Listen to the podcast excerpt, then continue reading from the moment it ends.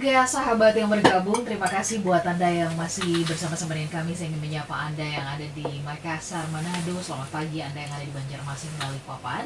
Kemudian Anda yang ada di Medan, semangat untuk Anda semuanya. Kemudian Palembang, Pekanbaru, Surabaya, Jakarta, ya. Kemudian eh, Yogyakarta. Kemudian saya juga menyapa Anda yang ada di Bogor, Tangerang, Bekasi, Depok, ya daerah mana lagi yang dekat-dekat kantornya Rawamangun, Cideng, Kelapa Gading, nah, Oke. itu semuanya selamat pagi ya. Gajah Mada, Gajah Mada, Happiness Street. Happiness Street. nah, pagi hari ini kami membahas mengenai ketika diam bukan mas. Makin ke sini tuh makin makin hot, makin panas ini ya, makin tajam juga yang tadi disampaikan oleh eh, Pak Arfan Pradiansyah. Saya mau tanyakan sesuatu hal yang berkaitan dengan em, apa hati nurani. Iya. Tapi saya mau ke WhatsApp dulu kita cicil karena banyak Iya, yang silakan, masuk ya. Ada Ibu Kezia, selamat pagi Ibu Kezia di Bogor. Diam tidak lagi mas jika nilai-nilai kemanusiaan di sekitar kita dilanggar. Betul, setuju sekali. Ya, Terima kasih. nggak boleh diam dong. Kalau kalau anda punya nilai kemanusiaan yang universal, betul. anda tahu itu dilanggar, ya nggak boleh diam gitu. Iya, iya. Dan nilai kemanusiaan yang universal itu semua ajaran agama sama, pasti nggak ada perbedaan bahwa eh, menghina orang itu sesuatu yang eh, buruk, ya. Menghina, mencerca orang, men- mencaci maki, Mhm, itu ajaran agama apa pun itu sama. mhm. Ajaran moral apa pun itu sama gitu. Iya. Itu Mbak Ola. Jadi kalau Anda me- memang meyakini eh, kebenaran universal itu, Anda harus menegaskan posisi Anda gitu. Nah itu yang tadi penting tuh harus menegaskan posisi anda. Iya. Ya. Oke, Pak Pramudia di Malang, selamat pagi Pak. Bagaimana caranya menimbulkan rasa berani menyuarakan kebenaran ya, Iya. meskipun menyakitkan, speak up tanpa menyinggung perasaan orang lain. Ya, menyuarakan kebenaran ya bagaimana caranya supaya berani ya? Ya, berha- ya harus berani gitu. Ya harus berani jawabannya. Kalau itu tadi mungkin eh, catatan yang tadi Pak Arfan sampaikan ya, Iya. kita mengingat bahwa kita nih dikirim ke dunia ini adalah untuk melakukan atau menyatakan kebaikan. gitu Betul, kan. betul. Biasanya orang kalau berani itu kan rame-rame ya. Kalau rame-rame mungkin lebih berani ya. Iya, Tapi gini, masalahnya orang itu nunggu-nunggu Anda juga gitu. Iya, Nanti ketika ada satu orang yang ngomong, lihat deh nanti. iya, iya. Pasti ada efeknya gitu. Ketika ada satu orang ngomong, yang lain yang merasa sependapat juga, sepemikiran juga, Akhirnya keluar. pasti akan keluar juga. Iya. Minimal meng- mengeluarkan jempolnya di ini, di likes dia. di Facebook atau di Instagram gitu. Minimal itu dulu menunjukkan dukungan kepada Anda. Jadi Anda takut tuh karena Anda merasa sendirian. Tapi coba deh. Kalau Anda punya sebuah nilai universal yang Anda yakini kebenarannya, yakinlah bahwa semua orang itu dalam hati kecilnya juga punya nilai yang sama dengan Anda gitu. Hmm. Itu bola. Oke, oke. Baik. Kemudian ini ada Pak eh sorry Pak begini. Ibu Laniwati Hartono di Lampung. Lampung, oke. Selamat pagi Bu Bu Lani. Bu Lani ya. Kapan diam itu bukan Mas pada saat sakit? Pada saat pada sakit. saat perencanaan keuangan dalam keluarga. Eh, Nggak juga ya menurut saya. Hmm. Pada saat Anda sakit ya Anda harus harus bicara juga dong. Hmm, Ya kalau ditanya sama dokter sakit apa kan harus ngomong. Iya, iya. Ya, Iya. justru karena itu diam bukan Mas. Jadi Oh bukan Mas. Oh iya iya. Iya betul Jadi betul. pada iya. saat sakit kalau kita diam begitu Iya. ya atau pada saat bikin perencanaan keuangan dalam keluarga. Oh iya iya betul betul ya. Jadi artinya Nggak boleh diam justru, iya. Nggak Betul, boleh betul. diam dan ya adalah terima aja. Iya. Itu nggak bisa ya. Nggak bisa nggak bisa ya. Kemudian kita ke Banjarmasin ada Pak Aldin. Pak Arfan, eh, diam bukan mas itu saat Pak Arfan dan Mbak Ola lagi siaran langsung atau saat seorang Iya pembela betul. lagi sidang betul atau iya. saat suami para ibu-ibu mau kawin lagi. Iya betul itu. Iya jangan diam-diam aja dong. Iya. iya, iya, iya, betul. Iya. Oke. Justru eh, ya saat talk show seperti ini ya jangan diam gitu. Kita Iya, eh, iya. harga kita adalah dari nilai bicara kita itu gitu. iya. iya. Saya dihargai karena saya bicara gitu, bukan karena saya diam gitu. Iya. Itu Mbak Ola. Pak Arfan tadi saya kepikiran gini, eh, Iya. diam itu bukan ketika diam itu bukan mas kan mungkin banyak orang yang berpikir gini, ya udahlah diam aja lah daripada itu kan juga bukan urusan saya, it's not my business gitu ya. Iya. Eh, ya udahlah sama, yang penting inilah, yang penting itulah gitu. Udah Iya. pokoknya nggak usah nggak usah ngomong gitu Iya. kan. Nah eh, saya berpikir kalau dia diam sebenarnya masih ada eh, cara lain gitu ya oleh semesta ini dia akan dikejar-kejar oleh hati nurani gitu Iya, iya. ke mana pun dia pergi dia akan dikejar-kejar itu benar nggak sih pemikiran saya atau bisa saja dia memang juga tidak akan eh, sadar kalau Iya. hati nurani lagi ngomong gitu Iya, kan? atau iya, iya. gimana Pak? Terima kasih. Ini pertanyaan bagus sekali Mbak Ola ya. Dikejar-kejar itu pasti. Mhm. Cuma ada orang yang nggak berasa dikejar-kejar. Oke, iya, iya, iya. Karena sudah sensitivitasnya sudah hilang gitu. Iya, iya. Jadi ibaratnya begini, misalnya eh, ruangan ini baru disemprot nyamuk ya, Mhm. gitu ya. Kemudian baola masuk, gimana rasanya? Wah, bau nih. Oh iya, itu tanda bahwa penciuman baola bagus, Mhm. iya kan? Nah, tetapi yang menarik adalah setelah Mbak Ola 10 menit di ruangan ini. Mbak Ola merasa biasa saja. Pertanyaannya, apakah itu menunjukkan penciuman Mbak Ola ada masalah? Ya, ya. Betul. ada. Tidak. Tidak, penciuman Mbak Ola itu masih sehat. Tetapi Tetapi sudah terjadi proses pembiasaan. oh, oke. Nah, Jadi karena itu. kebiasaan. Karena ya. kebiasaan, iya. Jadi penciuman kita masih sehat. Jadi yang ingin saya katakan dengan analogi itu adalah eh, hati nuraninya masih ada, masih berfungsi. Tetapi karena dia sudah membiasakan diri seperti itu, akhirnya bau semprotan nyamuk itu nggak terasa lagi baunya. Kita sudah membiasakan diri kita dengan yang seperti itu. Gitu. Sama saja dengan orang yang biasa ngomong kasar gitu. Mhm. Ketika pertama kali ngomong itu kan rasanya eh, ini banget ya, kok kasar banget ya Mhm. saya saja ini con- contoh ya kan pertama kali ngomong gue lu gitu ya. Itu dulu tuh waktu SD kelas 1 sekali ya. Kok saya merasa kok canggung banget gitu ya kok kasar banget gitu. Kok ngomongnya kok gue lu gitu. Tapi kan lama-lama itu menjadi satu bahasa pergaulan yang biasa gitu ya. Itu itu kenapa begitu ya? Karena ada proses pembiasaan gitu. Jadi ketika ada sebuah proses pembiasaan seolah-olah hidung kita tidak berfungsi seolah-olah perasaan kita tidak berfungsi hati nurani kita tidak berfungsi bukan bukan itu sebetulnya Dan seolah-olah bau itu tidak ada. bau itu tidak ada bau itu tetap ada Hmm. bau semprotan nyamuk itu tetap ada penciuman kita tetap bagus tetapi terjadilah proses yang namanya pembiasaan itu Hmm. sehingga kita menganggap itu sesuatu yang biasa gitu Hmm. itu baula jadi yang harus di yang harus dijaga ini nih karena mestinya ketika baru masuk ke ruangan bau gitu ya langsung kita keluar. Karena kalau kita tetap masuk terjadilah proses pembiasaan. Kita sudah sama dengan orang itu akhirnya gitu. Analoginya begitu. Jadi saya masuk ruangan ruangan ini bau nih. Ya udah saya keluar. Dan saya bilang ini ruangan ini harus dihilangkan dulu baunya baru saya mau masuk. Gitu. Oke. analoginya begitu baula Baik, Pak Arfan supaya kita tidak salah persepsi bahwa eh, speak up ini, oh, saya dengar talkshow-nya Pak Arfan ini suruh speak up gitu. Iya. Jadi di mana aja pokoknya bicara bebas aja begitu Ya. ya. Atau misalkan ketika eh, pasangan suami istri sedang sedang sangat berdebat keras begitu. iya Kan inget nih perintah, bukan perintah, Perintah. ah, saran ya Saran dari talkshow kita tua, ya. ah, Iya.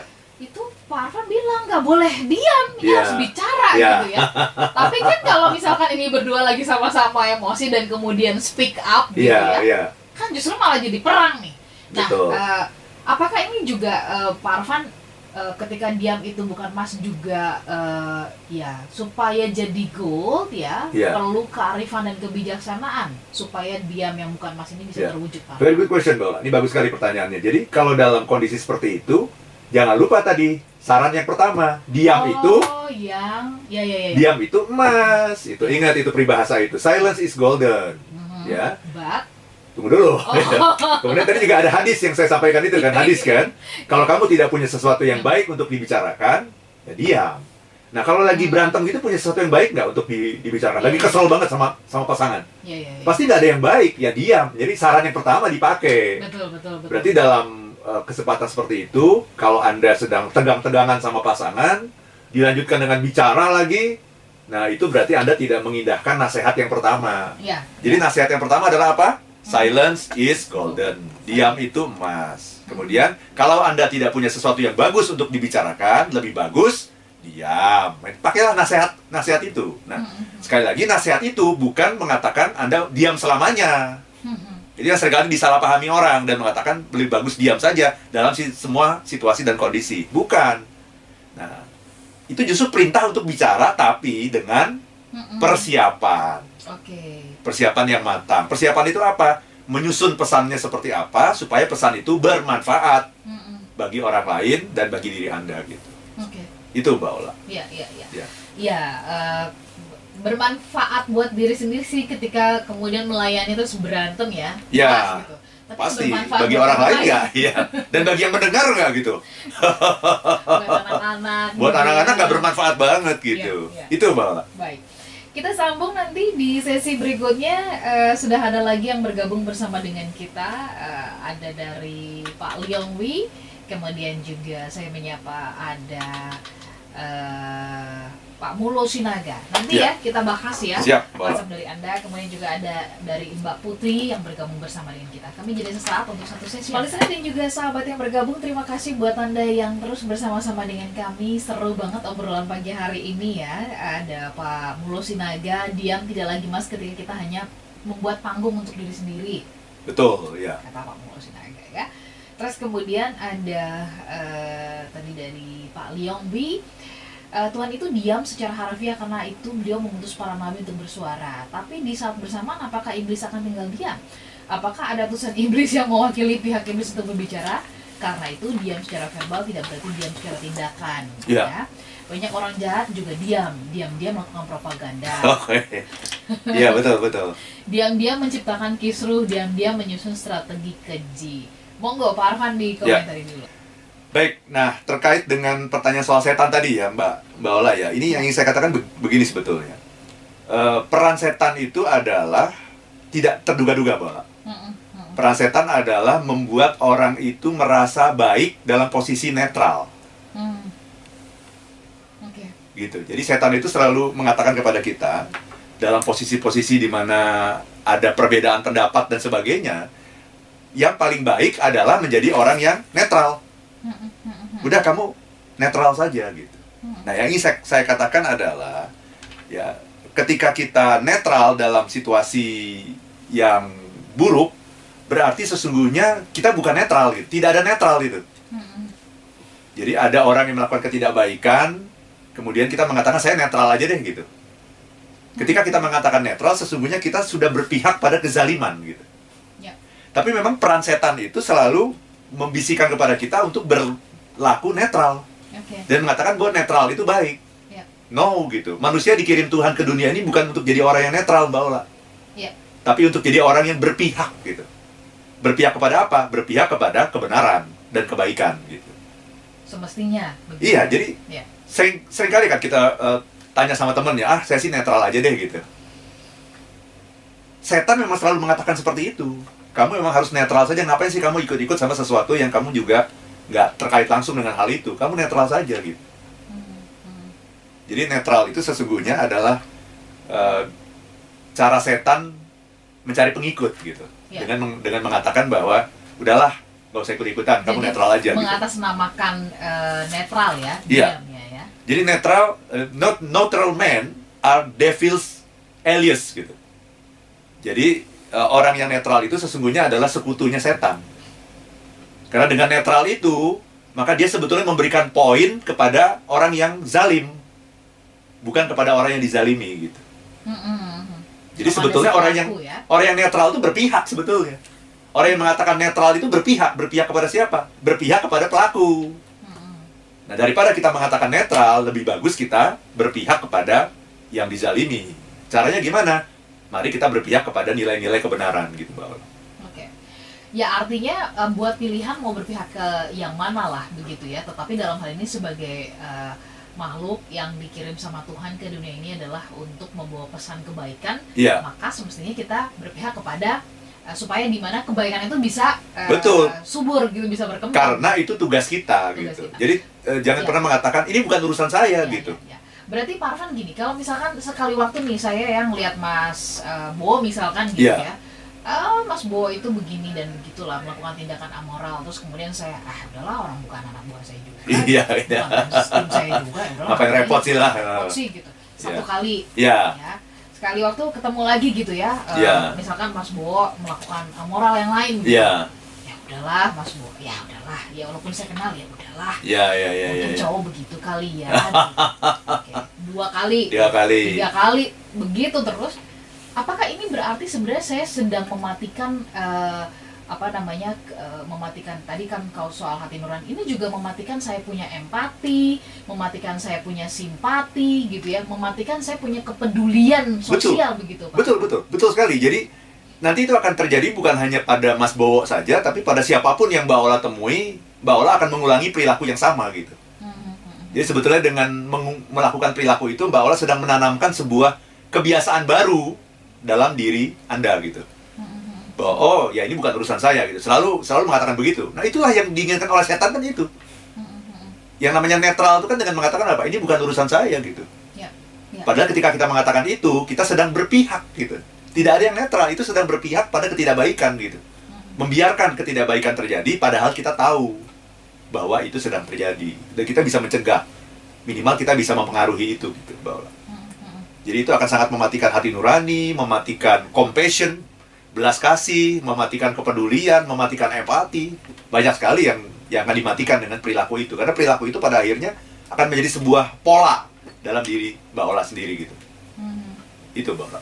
Oke, akan menjadi sebuah pola dan eh, pola itu ya sudah terjadi eh, seperti itu ya terjadi Betul. ya. Betul. Oke, Pak Arfan, eh, mungkin bisa dikasih ini di penghujung kebersamaan kita ya, supaya eh, pada saat kita bicara itu menjadi emas ya, Iya, menjadi gold gitu ya. ya, Eh, apa sih gitu syaratnya, terutama supaya kita berani me- menyampaikan gitu. ya, Eh, kalau tadi mungkin sedikit tadi Pak Arfan sudah mengatakan ma- ada manfaat. gitu Iya. ya. Kenapa saya tanya ini? Karena tadi juga ada pertanyaan kan, gimana sih Pak Arfan supaya berani gitu? iya. Nah, eh, mungkin persyaratan supaya bicaranya jadi berkualitas itu tuh Seperti apa ya? Ya, Very good question Mbak Ola. Jadi nomor satu, supaya berani, ya kita harus ingat bahwa tugas kita ke dunia ini itu adalah membawa kebaikan.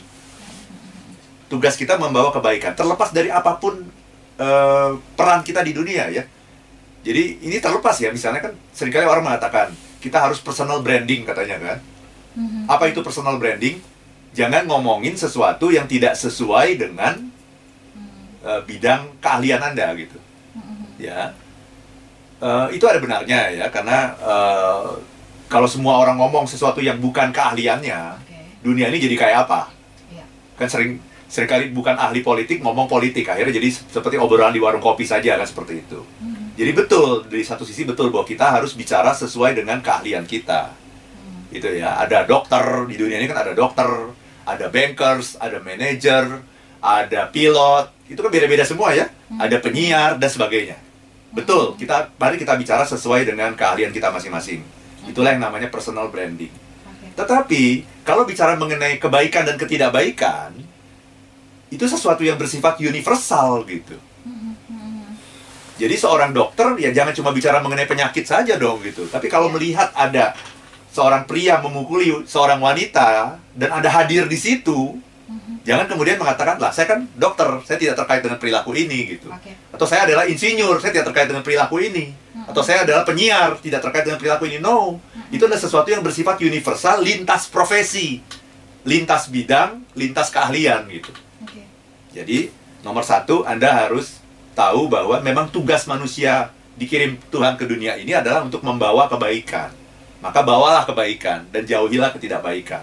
Dan bereaksilah ketika ada ketidakbaikan gitu, dengan cara apa pun. Minimal menunjukkan perasaan tidak suka gitu. Nah kalau kita menyadari bahwa tugas kita adalah membawa kebaikan, bawalah itu sudah pasti akan muncul keberanian gitu. Ya. Nah baru kemudian kita masuk ke bagian berikutnya ada tiga saringan. Ya. Ada tiga saringan. Yang pertama per- tanyakan kepada diri anda apakah ini benar. Kalau ini sesuatu yang tidak benar ya jangan ngomong gitu. Jadi anda Iya. harus menyatakan sesuatu yang benar. Kalau ini sesuatu yang bersifat fitnah, kebohongan, jangan katakan gitu. Jadi ini harus nomor satu benar. Saringan kedua, kalau sudah benar, apakah ini sesuatu yang baik gitu? Karena benar saja belum tentu baik gitu ya. Jadi kalau baik itu ukurannya lebih kepada ukuran situasi. Kalau benar itu ukurannya universal, lintas situasi, lintas masa, itu namanya kebenaran. Tapi kalau baik itu eh, tergantung situasi. Gitu. Itu yang namanya kebaikan. Itu akan sangat tergantung sikon. Misalnya ini ada sesuatu gitu ya, tapi kemudian saya mau nyampaikan ini nggak ya? Eh, kita kan mau makan gitu. Oh jangan, kalau mau makan jangan ngomongin itu dulu gitu. Nan- Nanti malah jadi selera makan kita akan terganggu. Ber- Berarti jangan diomongin gitu. Hmm. Itu sesuatu yang benar, tapi Oke. tidak baik. Jadi baik Ya. itu berkaitan dengan sikon. Nah, satu lagi sudah benar, oke. Masuk saringan pertama. Kemudian baik, oke, baik. Nah, pertanyaan berikutnya, apakah itu perlu? Nah, itu. Mhm. Karena bisa jadi sudah benar, sudah baik, tapi itu bukan sesuatu yang perlu dibicarakan. Ya. Kira-kira begitu. Jadi, ketiga saringan itu harus kita pakai bahwa apakah itu benar, apakah itu baik, apakah itu perlu. Nah, Mhm. Mhm. kalau sudah lolos tiga-tiganya, baru kita sampaikan Oke. kepada siapa pun dan insya Allah itu akan membuahkan manfaat gitu baik bagi orang yang mendengar maupun bagi diri kita. Oke. Itu Mbak Ola. Oke, eh, smart listener dan juga sahabat yang bergabung, eh, intinya adalah kita semuanya harus speak up. Tapi speak up bukan sembarang speak up gitu ya. Betul, Speak betul. up juga harus punya eh, muatan, ya. Betul, punya isi, betul. supaya itu bukan eh, sekedar eh, apa bicara, tapi ada value-nya Betul. dan itu bermanfaat bukan hanya untuk diri sendiri, tapi juga untuk orang lain. Iya, jadi untuk orang lain dulu. Karena kalau untuk orang lain pasti untuk diri sendiri.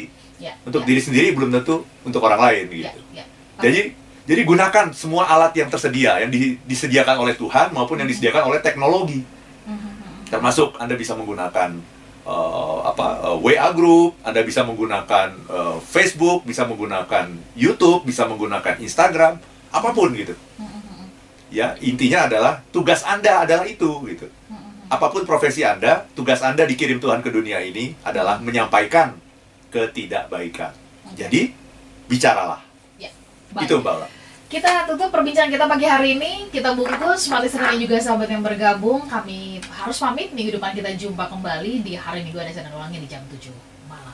Ya. Yes. Saya Lalu Lija. Dan saya Arfan Pradiansyah. If you wanna be happy, Be be happy now.